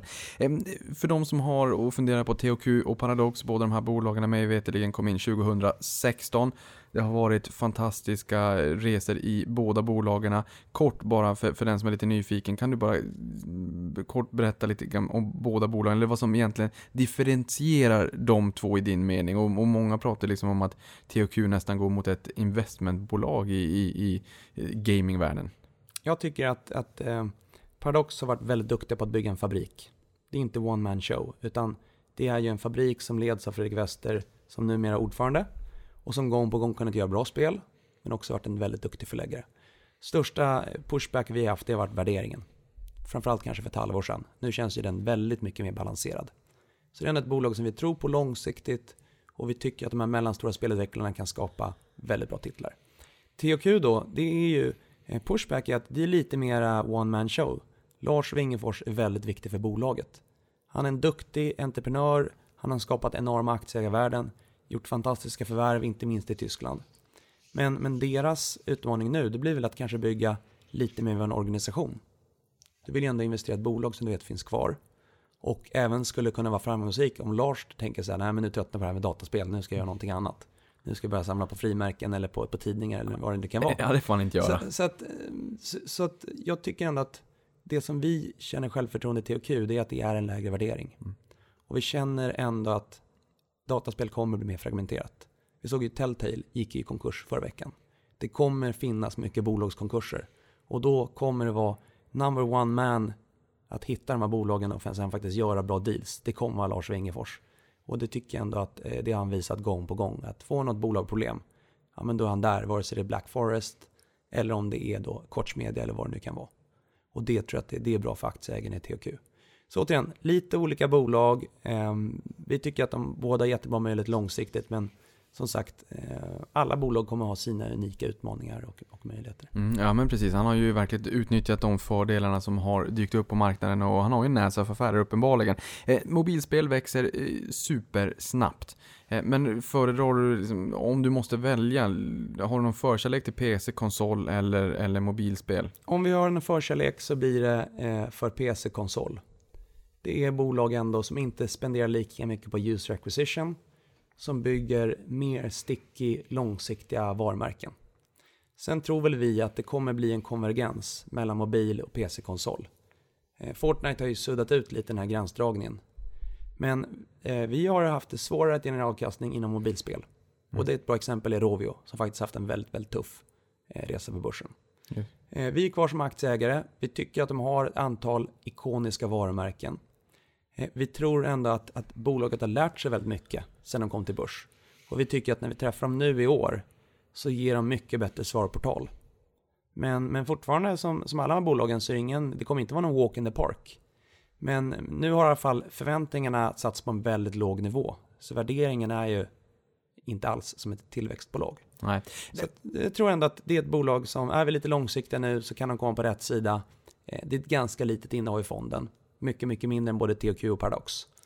Eh, och eh, återigen, alla de mest älskade bolagen, de har ju också väldigt höga värderingar. Mm. Ja, för det där tycker jag också är bra, för jag menar, ibland kommer det, det, det kommer att komma kallduschar, så är det bara. Jag menar, det viktigaste är ju att ni ser till att göra ett så pass bra arbete att de som går riktigt bra får fortsätta att gå riktigt bra. Jag menar, vi hörde tillväxtsiffrorna i fonden här de senaste tio åren, eh, vilket var fantastiskt, 25% om året. Någonting har ni helt klart gjort rätt. Ni har haft börsen med er. ni har haft multipelexpansion er, men ni har ju uppenbarligen gjort någonting rätt också. Men jag tycker ändå att det är nyttigt att bara poängtera och påpeka och påminna om exempelvis Rovio att allting inte går, eh, eller allting är inte en dans på rosor hela tiden varje gång. Eh, är det någonting du skulle vilja skicka med till de som lyssnar på det här? Liksom någon lärdom som du känner att tänk på det här bara om du köper egna aktier i gamingbolagen så att de inte ska behöva uppfinna hjulet på nytt. Några miner som du vill att de undviker. Jag tror att eh, folk har ofta övertro på de här minsta studierna. Det är väldigt svårt att vara liten eh, och det är få som kommer få breakthrough. Eh, och vad gäller mobilspel, se till att en av de pratar om är monetization och data. Så fort de börjar prata om att de har fått in någon kändis eller någonting, det är, det är en riktig warning flag tycker jag. Utan du måste, är, kör du mobilspel så måste du vara extremt datadriven. Sen får vi inte glömma då att vi tar ett King som köptes av Activision Blizzard. Eller ta då ett, eh, eh, till och med Glue nu Mobile som går väldigt bra i USA. Eller Supercell och Small Giant. Det är inte som så, bara för att Rovio och Mag Interactive har haft det tufft på börsen så går inte alla mobilspelsföretag dåligt. Utan det går även att skala och G5 är ett bra exempel. Så att just nu då, mobil är väl lite out of fashion och där har jag haft liksom dåligt batting average. Eh, men det är inte game over. Så det gäller att vi fa- faktiskt fortsätter vara eh, nyfikna och försöker identifiera de bolagen som kanske kan komma in och göra som Lars Wingefors. Göra bra förvärv, konsolidera eller vad, vad det nu kan vara. Mm. Så att, men det blir väl då, eh, inte bli naiv i de minsta bolagen och, och om det är ett mobilspelsföretag då vill du att en av dem ska prata om är monetization och, och data. För det är det som betyder något. Ja, och de här bolagen har gått ur starkt också mm, på, på de senaste åren. Ehm, och kanske inte påverkas jättemycket av konjunkturen, man kanske fortsätter spela ändå. Men CD Projekt som vi pratade om, eh, noterade i Warszawa i Polen, har gått upp 969% de senaste fem åren. Ubisoft 692, Take-Two med Red Dead Redemption väntar vi på det, där vi har hört dig prata om att, att eh, världen väntar på. Upp 618%, G5 upp 548%, Starbreeze 369, Activision Blizzard 364 och Electronic Arts 335. Den bol bolaget här alltså på slutet som har gått upp allra minst. Det är fortfarande över 30% om året. Eh, vad ser du för triggers för fortsatt bra värdeskapande i den här branschen? Nu, nu ser vi aktiekurserna i USA falla ganska mycket, eh, vilket är bra för då kan man komma in till en lite billigare prislapp, lite en, en multipel kontraktion. Men oavsett dagens värdering, vad är det som ska driva det ytterligare att bli samma fina resa kommande 5-10 år? Det gäller att det är bolag som är både kreativa men också är duktiga på, på affären. Det måste ha ett ben i varje. Eh, Och ta ett CD Projekt då. Eh, Det är säkert många som känner till Witcher, deras mest kända varumärke. Nu kommer de då troligtvis då, gissnings, slutet 19 eller tidigt 2020 släppa Cyberpunk.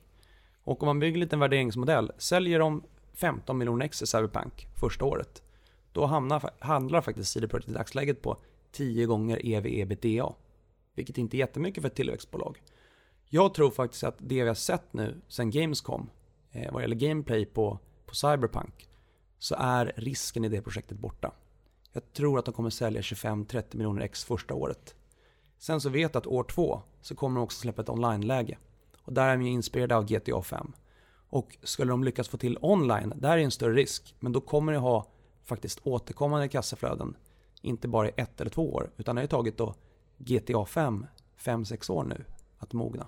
De har gjort större omsättning och större vinst varje år. Så att, så att någonstans, du måste vara värderingsfokuserad. Eh, du måste investera i de bolagen som har eh, bra varumärken att ta hand om dem. Och om något då, då kanske det blir lite större divergens. Att de här bolagen som har de riktigt, riktigt ikoniska varumärkena. Det kanske är där man ska vara. Så att för oss har det ändå varit svårt det sista året att hitta de här, något som är under Paradox och under THQ Nordic.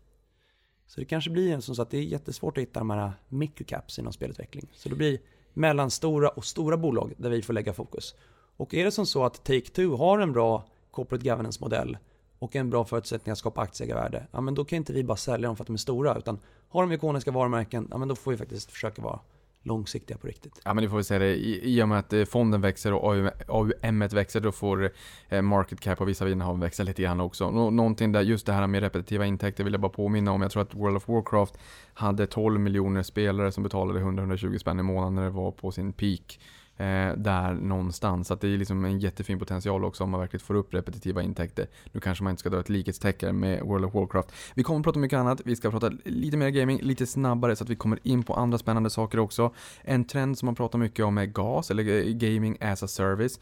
Eh, och nu såg vi också att eh, Microsoft aviserat om nyligen liksom tack vare sin närvaro med Azure som är deras clouding-verksamhet via Amazon Web Services i Amazon eh, så kan de nu rulla ut Project X Cloud och det här är ju någonting man har pratat om mycket. Vad händer den dagen när uppkopplingarna, när bandbredden, när latency går ner så pass mycket att vi inte bara kan ha Netflix eh, som bara skickar en signal till våran TV när vi ligger där i soffan och degar på kvällen utan när, när jag klickar på min dataskärm och ska eh, skjuta någon eller åka någonstans så det blir liksom, det blir ju signalen måste gå till mig och sen tillbaka och sen till mig igen. Ja, jag, jag tror att det blir två saker som sker. Det ena är att interaktiv underhållning kommer viktigare. Mm. Det är bra för spelutvecklarna. Det kommer inte vara film där du bara sitter och tittar på något. Utan du kommer kolla på en Star Wars-film där du även är med och agerar. Och framförallt om du kollar på Cyberpunk, det börjar bli fotorealistiskt. Om inte du kan skilja mellan realtidsrendering och film och skådespelare, då kommer det bli mer interaktiv underhållning tack vare streaming. Och det andra som kommer ske, det kommer vara att det är fler som spelar. Det kommer bli en bredare publik. Om Fortnite är så här framgångsrika på cross-platform, så lyckas då ett Microsoft med sin streamingplattform, då kommer det bli fler personer, det kommer inte bara vara nördarna som sitter och gamer, utan jag tror att det kommer bli mer interaktiv underhållning och fler som nyttjar interaktiv underhållning. Mm. Och sen så utöver det, då går det inte i mer detalj att säga kommer det här projektet för Microsoft bli framgångsrikt eller inte? Kommer då Hatch, som Rovio ska släppa och göra samma sak inom mobilspel, är det liksom en 3 eller en 8 i möjlighet att lyckas? Det har vi ingen aning om, det får vi se. Mm. Men det där med e-sport också, det är ju något som växer jättesnabbt och, och, finns det någon annan del av värdekedjan som kan vara intressant? Jag menar, du har ju pratat om MTG har ni ju, man har Twitch via Amazon och, och vi har Nvidia, AMD och Inter klassiska. Eh, Turtle Beach med hörlurarna har ju fått en revival efter en nära döden upplevelse. Mm. Finns det några andra bolag som rider på en annan del av värdekedjan när det kommer till gaming eller e-sport som du tycker är intressanta? Eh, vi har ju selektivt kollat på e-sport, där har vi MTG och vi har även investerat i G-Loot. Eh, jag tror ändå att, att e-sport så kommer det finnas små vertikaler. Men det kanske är då bolagen som gör mjukvara som du ska investera i. Eller då de här eh, varumärkena vad turneringar.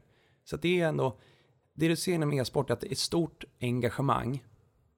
Det är väldigt många som tittar och det är väldigt, väldigt snårigt. Så vi ska vara väldigt selektiva. Vi kan inte bara investera i något för att det är e-sport. Utan då måste vi verkligen gräva och se om är det här något vettigt? Har de en bra affärsmodell? Men jag, jag har inget så här nytt område som inte är uppenbart från Västa som vi känner att det här är liksom wow wow. Men då tycker jag att vi bara kort tar lite grann kring MTG. För det är ju många som har fått den här utdelat eh, i, i sin portfölj från Kinnevik. Nu ligger den där, man ser den varje dag när man loggar in på depån. Eh, vad, vad, är ditt case i MTG som du har i fonden? Eh, den korta versionen blir ju ändå att när du har delat upp det här bolaget i två delar så skulle vi vara väldigt förvånade om de två delarna har ett börsvärde tillsammans som är lägre än MTG är i dagsläget. I det korta så har det varit väldigt mycket tekniska drivkrafter. Alltid när det delar ut ett bolag från ett investmentbolag så blir det många tekniska säljfaktorer. Så aktien har varit under press. Det hade också en Q2-rapport där bolaget var väldigt kryptiska kring sin guidance på helåret som gjorde att, att aktien rikt, gick riktigt, riktigt uselt. Så vi tycker ändå att Nordic Entertainment som blir den ena biten de kommer att ha fina kassaflöden och de har till och med haft ganska bra organisk tillväxt. Vi tror att även fast Netflix blir starka så kommer liksom lokalt content att ha en mening i framtiden. Även om vi inte har linjär tv. Och det andra blir då MTGX e-sport men även deras eh, ja, spelutvecklingsavdelning då. De blir ett litet investmentbolag inom spel. Eh, de förvärv de gjort hittills har ju varit kanske 5 av 10. Jag tror att de har lärt sig mycket. De har inte gjort någonting som var dåligt. Men de har inte tagit det här nästa steget och lyckats hitta de här stora ikoniska varumärkena. Det hade varit, lyckas de göra ett eller två sådana förvärv, då hade ju mitt självförtroende gått upp väldigt mycket. Men jag tycker ändå att, eh, att det är också, man får inte glömma, ett tillväxtbolag som har en ganska låg värdering. Eh, Teknikbolagen utgör ungefär hälften av fonden. Sen har vi ju eh, nästa sektor då som kommer och det är ju sjukvård som utgör nästan 40%. Eh, Berätta vad som, vad som gör att det, sjukvård är så pass spännande. Om du har ett patent eller en teknisk innovation så kan du göra en produkt där du kanske blir världsunik. Vilket innebär hög tillväxt med höga marginaler. Och när du väl har fått ut den här produkten då finns det väldigt mycket lagstiftning. Du måste få godkänt av FDA, du måste få godkänt i Europa för att sälja. Sjukhus är väldigt konservativa. Så att när det kommer något nytt, ja då kan du faktiskt ha kassaflöden i flera år. Eh, det är väl det som är attraktionskraften. Så att eh, lite krasst då, ny teknik, det är väl en fond för någon som tror då att, att mjukvara blir viktigare och som tror att vi lever längre och därför måste investera då i digitala eh, sj- sjukvårdslösningar egentligen. Så, så, så det är attra- attraktionskraften. Eh, och eh, återigen, de här medtechbolagen då, de är väl lite tråkigare. Det är färre investerare som går på de mötena. Eh, och framförallt så är det bolag som gillar förkortningar. Och som svänger sig med så många förkortningar så att hälften går ju därifrån och bara skruvar sig i i huvudet. Eh, Så, så, och det är väl kanske en möjlighet då om man ger dem lite mer kärlek och tid. Så att det är lite tråkigare bolag men kan bli väldigt roliga kassaflöden när det går bra. Mm. Autotech är ju också någonting, jag vet inte ens om den termen riktigt är myntad eller inte. Jag- jag- Autotech, så techbolag som gör bil. Exakt, och där har ni ju Veoneer som kom från Autoliv och vi ser ju mer och mer teknologi och teknik börja tryckas in i bilarna. Eh, be- berätta mer om, om den nischen. Vi äger två bolag inom Autotech då. Det är Veoneer och det är SmartEye. Eh, SmartEye har en väldigt bra orderbok.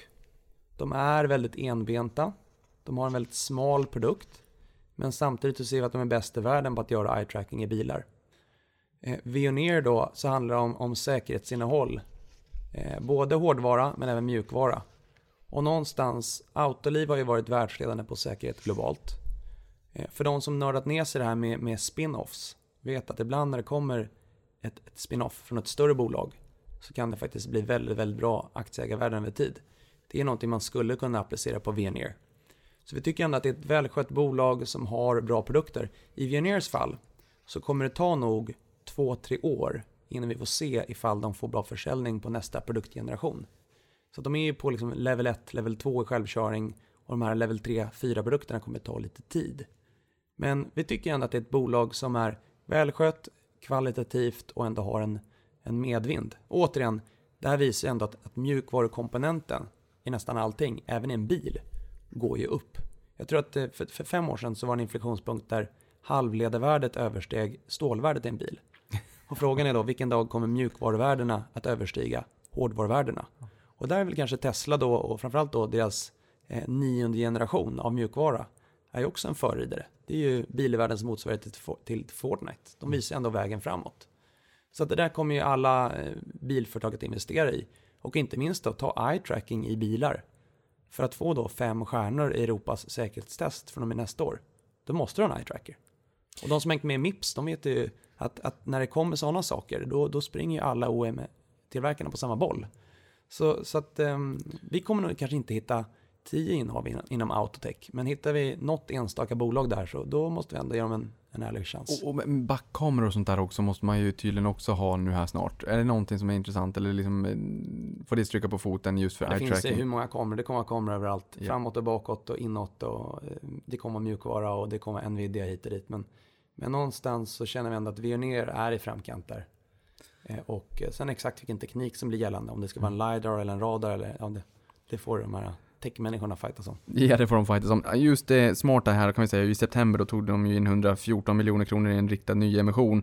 Eh, och där deltog ni och blev ju faktiskt eh, största ägare va, med 7,6% av kapitalet. Eller betydande ägare stod det i media. Om Största vågar jag faktiskt inte säga. Men det innebär ju uppenbarligen att ni faktiskt tror på det här bolaget. Eh, Det finns ju någonting annat, ja ni tror väl på alla bolag har ju fonden hoppas jag. Eh, det- finns ju många andra trender, så om vi liksom målar upp en liten eh, tombola framför mig så bara drar jag jag lite trender så får du hugga på den du tycker är mest intressant. Och då har vi liksom åldrande befolkning, edtech, urbanisering, megastäder, internet of things, industri 4.0, e-handel, fintech, AI, 3D-printing, automation, robotisering, blockchain, AR, VR, molntjänster, big data, autonoma fordon, datacenter, cyber security. Mm. Är det någon som du så här kände, ah, den där är också ganska intressant? Det finns ju en grupp där, liksom, om du tar då AI, cybersecurity eh, och hela det där gänget så, så gång på gång så träffar vi faktiskt bolag som svänger sig med häftiga termer. Eh, det Ja. är en röd flagg. Eh, när ett bolag säger att de har ett samarbete med Google, det brukar vara en riktig så här, okej, eh, vad innebär det då?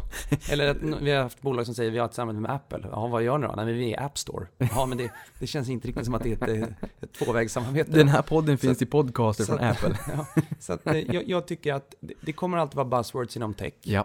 Eh, vi kommer att hitta nya spännande områden. Eh, men ibland så kommer ju viss innovation att ske i, i isolerade bolag. Och viss innovation kommer ske i den breda industrin. Och många av de här grejerna som AI, eh, vi, om vi träffar ett bolag och de pratar machine learning, ja men då kanske vi kan ha en diskussion. Men om det bara står AI på deras slide, det är väl lite, så här, lite red flag. Så att det kommer ske väldigt mycket, om något så i allt det du nämnde så går väl innovationstakten uppåt. Om du kollar på den genomsnittliga åldern på ett Amazon eller ett Alibaba så inser vi att den här cykeln som H&M såg, att det tar 50 år att bygga en världsledare, eller IKEA, det är väl på väg bort. Så att då som förvaltare eller privat eh, investerare kommer man kanske ha ännu mer huvudvärk de närmaste 20 åren. För att det kommer vara jobbigt att adaptera sig för allt, allt nytt som kommer. Så det gäller att vara, vara nyfiken, eh, träffa bolag eh, och sen så eh, komma in med liksom ett, eh, Eh, ett mindset där man försöker ifrågasätta vad de egentligen håller på med. Och så länge vi, så länge vi kan hitta bolagets produkt och förstå produkten, då kan vi investera. Annars går det liksom inte. Och för de som lyssnar på det här och plockar in egna aktier i sin portfölj, då är det faktiskt fördel lite fler innehav i sådana fall i och med att det blir allt svårare att eh, fundera kring vilka som faktiskt kommer lyckas där när världen blir så global och man har en digital, eh, global arena när man är digitala bolag, digitala varumärken. Någonting annat du har varit in på Karl, det är ju eh, SaaS-bolagen, alltså Software as a Service och du pratade om Fortnox där, inte minst med bokföring. Eh, kan du utveckla resonemanget lite grann kring SaaS-bolag? Vad finns det för spännande bolag? Nej, men det är väl eh, det är ingen världsnyhet direkt att, att SaaS är eh, återkommande intäkter är väldigt attraktivt. Eh, jag träffade någon investerare för några månader sedan som sa att nej, man tyckte att SaaS börjar bli lite, lite out, of, uh, out of flavor. Men jag tycker kanske SaaS är inte som utsvängda byxor, inte att det kommer och går utan bolag som lyckas bygga en, en, en tjänst med återkommande intäkter det är en attraktiv modell att vara aktieägare i, punkt. Så kommer det alltid vara. Så att eh, om något då så så tycker vi bara att det kanske är lite synd att det finns för få SAS-bolag på svensk börs. Och om det är något kluster vi ska bygga så eh, väldigt gärna med och tar bolag som håller på med SAS till börsen. Och visar att man kan faktiskt vara en nischvinnare. Man måste inte sälja sig till storbror. Utan man kan vara ett litet oberoende bolag. Och, och där är ändå kul att det gått bra nu för både Storytel och Fortnox. Det öppnar ju möjligheten för att det kommer fler liknande eh, andra SAS-liknande verksamheter. Finns det några spännande SaaS-bolag utanför rikets gränser? Det finns många spännande SaaS-bolag. Eh, Vi har verkligen åkt eh, runt och försökt hitta nya spännande grejer. Eh, Och eh, det som ofta är det som det faller på är väl att när det är 10-12 gånger EV sales så är, måste man vara väldigt modig ibland för att ta sig in. Eh, Så att, men, men jag tror ändå att över tid kommer vi kunna hitta några sådana här bolag också utanför för Norden. Finns det något bolag som är så mer klassisk industri, eller ja, det behöver inte ens vara industri, men klassiska gamla hederliga bolag där du känner att det här är inte digitala varumärken, men det här bolaget står för in, inför en ganska stor digitaliseringsresa. Därför är det spännande. Ja, då ska vi nog köpa underleverantören. Det, det är gång på Ja, gång visar ja. sig eh, att det är, det underleverantören vi ska äga. Eh, Så att, eh, Köpa span. Nordstedts förlag, vem var det som köpte vem? Var det Storytel som köpte Nordstedt eller var det Nordstedt som, som köpte Storytel? Det tror jag även kommer vara eh, framtidstrenden. Poäng. Eh, min kollega Per Ståhl skrev ju här en artikel om att eh, en av hans favoritfonder till synes börjar falla på sin egen framgång och pekade då på att ni har blivit väldigt stora. Ni har ett eh, AUM idag på 22,4 miljarder. Jag kanske inte borde säga för du vet ju exakt per dag på morgonen säkert men, men sist jag kollade i alla fall. Och ni har alltså, 270 000 fondandelsägare, 90 000 bara hos oss på Avanza. Elefanten i rummet, det, är ju så här frågan, kommer finns det någon risk att man någon gång måste stänga en fond för att den blir för stor? Det här är ingenting du kan svara direkt på men, men kommer ni falla på din egen framgång? Jag tror att alltså, om du tittar på fondens storlek i dagsläget så kan vi då fortfarande fokusera på de små och mellanstora innovativa bolagen. Och vi har ett bra dealflow. så att då, då finns det förutsättningar att fortsätta det vi har gjort. Kikar de sista fem åren så har vi faktiskt inte ändrat fondbestämmelserna. Utan vi har ju samma fokus som tidigare. Vi har eh, ungefär då, 42 kärninnehav i dagsläget, vilket är rätt lagom. Eh, geografiskt så har vi då 16 procentenheter utanför Norden. Jag tror att vi måste öka andelen icke-nordiska innehav över tid. Dels för att vara lite mer flexibla, men också risken för att vi vill ju inte tvingas in i något som vi inte vill äga i Sverige bara för att det är för stora. Så det finns nog ingen enkel siffra som säger att om fonden blir 30 miljarder då kommer det bli omöjligt. Så att allt annat lika, det är alltid lite tuffare när fonden är större. I dagsläget så känner vi att det är, vi har goda förutsättningar för att göra ett bra jobb. Och eh, ska man stänga fonden eller inte? Ja, det är ju en väldigt tuff diskussion. Eh, och det är inte något som jag ska svara på, utan det, det finns några andra experter på. Mm. Eh, tiden går väldigt fort när man har roligt. Eh, vi har några frågor kvar, vi ska wrappa ihop och då tänker jag så här, om vi lyckas med det så ska vi försöka se till att eh, ta ett, ett antal frågor men lite snabbare tror jag. Då tar vi dem lite snabbare, vi tar 10 snabba och sen om det blir 11 eller 9, det, det får, får tiden avgöra. Ehm, eh, första frågan från Twitter som kommit in kring Sobib, där har du ju varit in på det lite grann. Ehm, där skriver han att hur ser du då Carl på att FDA gett Sobis konkurrent Roche prioriterad önskan för medicin inom blödarsjuka? Du har varit in på det lite tidigare i podden, vad säger du där? Mm. Det är en känd risk. Eh, Sobi kommer alltid att få konkurrenter. Det som är läskigt med Roche är väl att det, det varit eh, fem döda i deras produkt. Så jag tror ändå att just inom blödarsjuka är patienter inte så benägna att ändra medicinering. Och det viktigaste i Sobi det är att det kommit in en ny VD, Guido, som varit duktig på att göra förvärv. Han har gjort två bra deals sedan han tillträdde. Och jag tror att det blir ännu viktigare vad Guido gör och inte om, om Roche kommer in eller inte. Mm. Nils på Twitter säger vi vill höra mer kring Catena Media. Vad säger du där? Eh, Jag tycker att det man ska räkna på är USA. Det är det man ska lägga energi på för att analysera bolaget. Jag tycker att den nya vdn har goda förutsättningar att göra ett jättebra jobb. Och jag förstår ändå att det är ett sånt bolag som kommer röra på sig mycket när det är lite techvolla. Mm. Så att den kommer ner väldigt mycket. Men jag tycker, lägg energin på USA, lägg energin på att träffa vdn, för han är bra. Mm. Ni har investerat i BIM Object, vad är det som lockar? Digitalisering av fastighet är spännande. Vi tycker att det är ett bolag som har byggt en plattform där man har nu en miljon användare och vi hoppas att de kommer komma ha kanske fem miljoner användare om några år. Eh, Och vi har varit med i andra bolag som är just digitalisering av fastigheter. Och det är väl den sektor som har kommit kortast av alla. Mm. Kim undrar vad du tycker om Gaming Innovation Group? Eh, vi tycker att de har en bra plan. Den har haltat lite sista året. Återigen, USA är viktigt för dem och eh, jag tycker att eh, bolaget är, har varit för dåliga på att kommunicera. Jag tror att de har lidit mycket av att vara på norsk börs också. Jag tror att de som speloperatör eller eh, plattformsleverantör till, till eh, betting så är det nog bättre att vara listad på svensk börs. De har inlett ett projekt att byta lista. Eh, jag hoppas att de skyndar på det, för jag tror inte att, att aktieägarna tycker att den här volatiliteten är bra. Mm. Tommy tycker att CD Projekt Red har tagit oerhört mycket stryk, eller kanske inte vad han tycker, det är vad, det- vad faktum visar. Eh, han undrar lite grann, vad beror det på och hur ställer du dig inför det? Eller vad tycker du? Alla spelutvecklare har gått dåligt sista månaden. Eh, CD Projekt i, i synnerhet. Vi har stort självförtroende i att Cyberpunk kommer att bli bra. Och nu påminner situationen faktiskt i CD Projekt om den som var i Sobi för ett par år sedan. När folk ser kassaflödet från Cyberpunk, då kommer man diskontera det. Och då kommer folk känna lite mer självförtroende.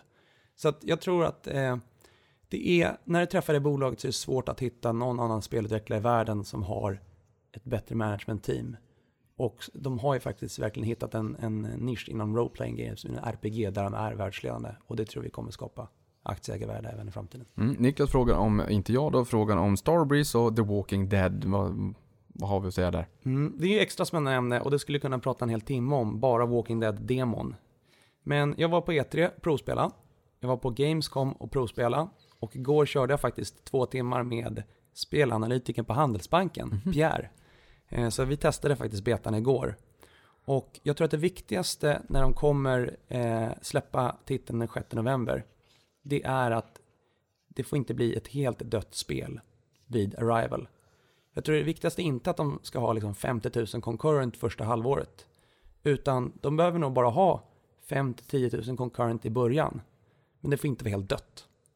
För får de bara en okej basplatta så tror jag att Overkill och Starbreeze som i historien kommer att kunna pivotera spelet och iterera det till vad communityt vill ha. Det är det viktigaste. Och om man då går in på, nu, nu blir det lite nörd in sig i detaljer då, så tycker jag att de har lyft sig väldigt mycket sen Gamescom.